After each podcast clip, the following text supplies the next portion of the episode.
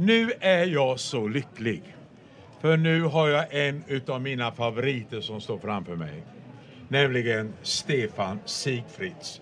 Och varför är han min, en utav mina favoriter? Jo, jag har haft nåden under ett bra tag. Nämligen att få lyssna när han lägger ut texten i skriften. Vad säger du? För Ja, jag gått i tycker en fantastisk predikant. Men du säger att du är lycklig, men jag är olycklig. Vet du varför? Ja, jag anar vad du ska säga nu. Alltså, det har kommit till min kännedom att du ska flytta till Finland och lämna Stockholm. Är detta sant, Stefan Sigfrids? Det, det är ju väldigt ofta som man inte ska tro på ryktena. Men i det här fallet så är det sant. Ja, vi kommer att flytta till hösten till Helsingfors. Och vilken församling eh, kommer du att bli föreståndare i? Vi kommer att gå in i Salemförsamlingen i Helsingfors, eh, Finlands motsvarighet till Filadelfiakyrkan i Stockholm i princip. Efter efterträder Mika Yrjölä som eh, har varit en del här också i Sverige eh, och har varit föreståndare där i tio år, men som nu har avslutat. Jag vet att du är en bibellärare, du älskar bibelgrupper, du älskar att bedja och du inspirerat mycket. Vad tycker du har varit stimulerande under din tid i Philadelphia, Stockholm? Ja, det har mycket. Vi, jag började i finska Philadelphia under två år och sen då har jag jobbat som församlingspastor i Philadelphia-kyrkan och lett också Bibelskola Stockholm. Eh, uh, om vi börjar där. Det, det har varit väldigt, väldigt inspirerande att följa elever under ett helt år, ett väldigt formativt år där man, man sätter sig ner med Bibeln i handen och studerar. Så det har varit, det har varit oerhört stimulerande. Sen att få komma in i Philadelphia har varit en fantastisk förmån. Eh, att få vara en del av församlingen där. Också någonting som jag tar med mig nu. Jag har varit pastor föreståndare i Vasa i Finland i en eh, med, vad ska jag säga, mellanstor församling. Men att få vara med i Philadelphia under fem års tid och också få en liten känsla av en stor församling, hur den fungerar. Det, det är ju någonting som blir, har blivit nu väldigt värdefullt när jag åker till Salem som numerärt är ungefär lika stort då som, som Philadelphia-kyrkan. Så det har jag uppskattat väldigt. Och förstås alla människor. Det, det är som man, man kommer och man möts som främlingar, men man skiljs ju som vänner. Och det, det, Fantastiskt. det känns verkligen. Du har, det är inte bara så att du har jobbat som pastor. Du, har också, du tycker det här med anden är viktigt och själen. Men jag har en känsla av att du tycker kroppen är viktig också. Berätta lite. Pa Paulus säger att den är, den är till litet, litet gagn, eller lite nytta i alla fall. Nej men absolut, jag, jag, jag tror på en helhet. Och eh, jag antar att du, sy du syftar till eh, min träning. Ja. Jag eh, sysslar med Ironman, triathlon.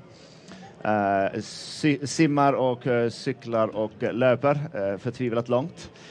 Det, har varit, det har varit jätteviktigt för mig, både för att naturligtvis för att hålla, hålla mig i trim och i skick, det, det tror jag är väldigt viktigt, men också för att ha gemenskap med människor. När man jobbar med, det blir lätt att man blir en kyrkråtta när man jobbar som pastor och det har jag försökt undvika till varje pris. Att, att, att ha umgänge med människor som inte har något med kyrkan att göra, det, det har varit superviktigt för mig. Fantastiskt. Jag har en annan fråga till dig också. I vår församling i Philadelphia i Stockholm så säger för en tid som denna. Men här i Nyhem så säger för en ny tid.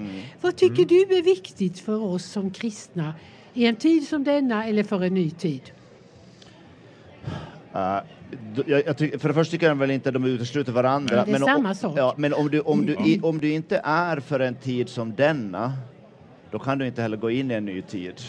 Alltså om du inte är förankrad där du finns just nu, har en verklighetsförankring, har förankring i ditt samhälle där du lever, där du verkar, eh, så då blir det ingen ny tid heller. Jag tänker att i en tid som denna är vår uppgift att, att föra in en ny tid, eller som Bibeln säger då, Guds rike, in i den tiden vi lever i. Ja, och det här med att föra in Guds rike, vad tänker du då? Jag tänker ju att, att Guds rike är, är någonting som, som verkligen vill genomsyra hela samhället, inte bara två timmar på en söndag, utan att, att vi, vi lever Guds rike. Inte, inte kanske främst på det vi, det vi postar på Facebook och har en massa kommentarer om allt som är, utan att leva som representanter för Guds rike i kärlek och eh, i, i gemenskap med människor runt omkring oss. Då landar Guds rike. Vi hoppas ju att många ska växa upp och bli som du. Jag får fråga då, hur startade du? Du har ett väldigt bibelkunskap. Det märks inte bara att du har det som yrke, utan vi vet förstå att du är en bibelälskare. När började du studera för att sedan utvecklas att kunna undervisa också? Det kom nog väldigt tidigt in. Jag är ju fjärde generationens pingstpastor, behöver tilläggas.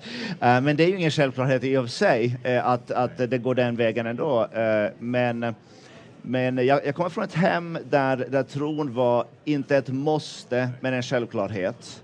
Uh, där uh, min, min far då, som var pastor hela sitt liv, han lever fortfarande men är pensionär nu då, där han var, den sam, han var, han var likadan i talarstolen som han var hemma vid köksbordet.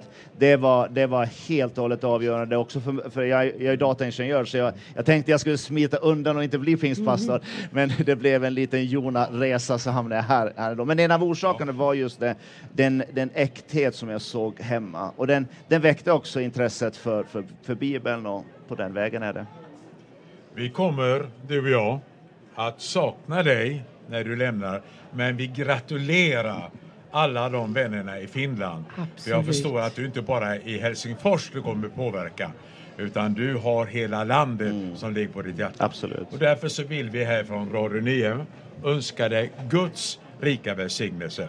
Och tack för att vi, du och jag Gumrid, fick vara med och säga den sista intervjun från Radio Nyhem. Än så länge. Tack så jättemycket. Tack. Tack.